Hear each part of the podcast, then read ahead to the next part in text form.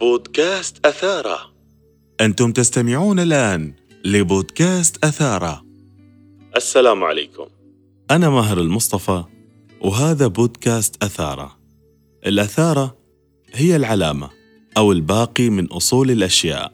في هذا البودكاست مواضيعنا نأخذها من أصول الأشياء أو نصنعها لكم من خلال فكرة أو نص أو استضافة ضيف. ونسعى إنه نصنع من اللاشيء شيء يكون ذو قيمة وعلامة للتغيير. هذه حلقتنا الأولى. لنبدأ. ما راح تكون المقدمة جاذبة إلى حد كبير. لكن باخذك معايا إلى زمن بعيد. لما تفشى مرض الكوليرا في أصقاع الأرض أو لما كانت الإنفلونزا الإسبانية هي ألم ملايين البشر وعديد من البلدان. ولا خلينا نسافر بعيد. بعيد جدا لما تفشى الطاعون في بلاد الشام وعاد الخليفة عمر بن الخطاب وامتنع عن دخول البلاد فرارا إلى قدر الله. الجوائح تحصل وتتفشى ثم تنحسر فتنتهي. تنتهي بعد أن تركت الشوارع فارغة تثير الجزع في القلوب. تنتهي بعد أن تركت المدن معزولة وخالية من السكان. تنتهي بمستشفيات ممتلئة إلى نهايتها بالمصابين والمرضى. تسبب انهيارا في الاقتصاد وكثرة الوفيات كبارا وصغارا نساء ورجالا. ألوف بل بالملايين. بعد كل وباء وجائحة تتغير معالم الحياة بأكملها في كل المجتمعات حتى أقل البلدان والأشخاص في الموارد يزداد وعيهم أكثر. لكن السؤال هل يتعلمون؟ الحياة في حقيقتها هي خير معلم. ففي معظم الوقت لا تتحدث الحياة إلينا لكنها تدفع بنا في طريقها. وكل دفعة إنما هي بمثابة قول الحياة لك. استيقظ هناك شيء أريد تعليمك إياه.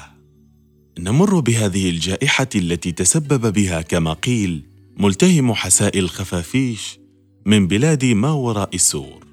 تخيل أن شخصا واحدا فقط استطاع أن ينشر وباء لا يعلم سببه ولا ينقضي عجبه للعالم أجمع وهو لا يرى.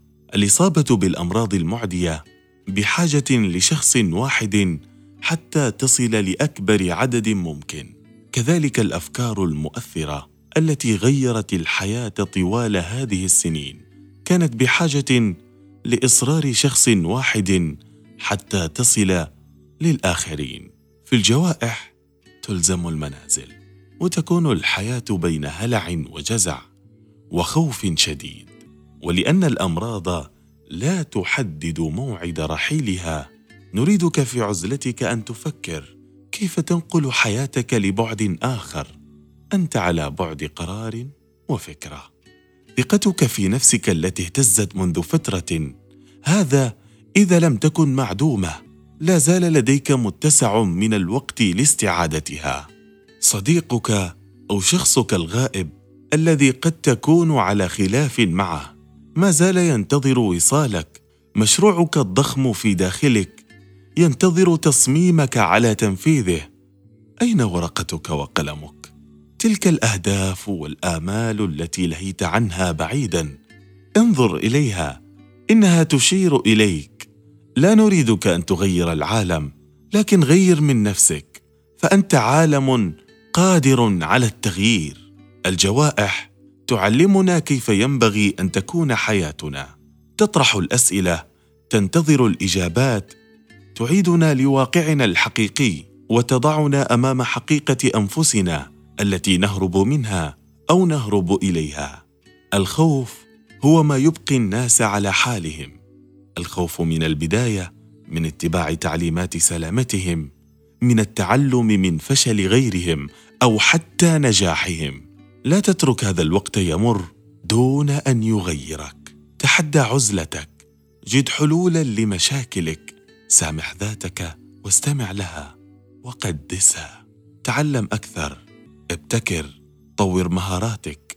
العزلة سلاح الناجحين والمبتكرين الذي غفل عنه الكثيرون. بينما هم استخدموه بشكل صحيح. لذلك نحن مختلفون. نشعر بالخطر بما يعيق تقدمنا ويؤخرنا لكننا نتجاهل.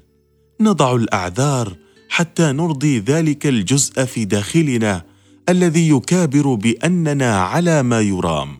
وحين نبدأ في جني الخسائر تنطلق رحلة محاولة الإصلاح وتبرير الأفعال. منا من يلتهمه إهماله ومنا من يعود بعد خسائر. المهم أنه عاد. يجب أن تجد داخلك اطمئنانا على حالك باستمرار. تفقدها اجبر ما ينقصها واحمها من كل الأخطار حتى تلك التي لا تظهر. ما أجمل أن تتخذ بادرة العودة في عزلتك؟ فتمارس امرا تحبه بعد فترة انقطاع طويلة. وهي خطوة أولى قد تستثقلها نفسك التي مارست السبات والتراخي واللامبالاة.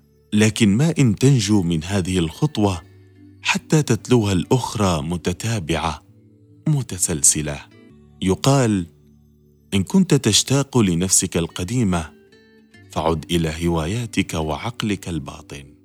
تعلمنا من التاريخ أن الحياة بعد كل جائحة لن تكون كما كانت من قبل وأنت أيضا لا تكن كما كنت قبلها واختر مصيرا أفضل وفتش داخلك.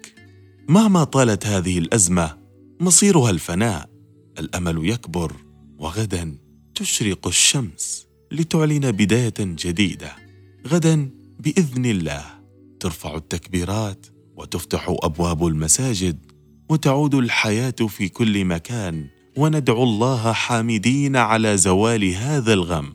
الأثارة معظم الأشياء التي تتسبب بمشاكلنا وقلقنا لا ترى. لكنها قادرة على تغييرنا حتى لو كلفنا ذلك خسائر كبيرة.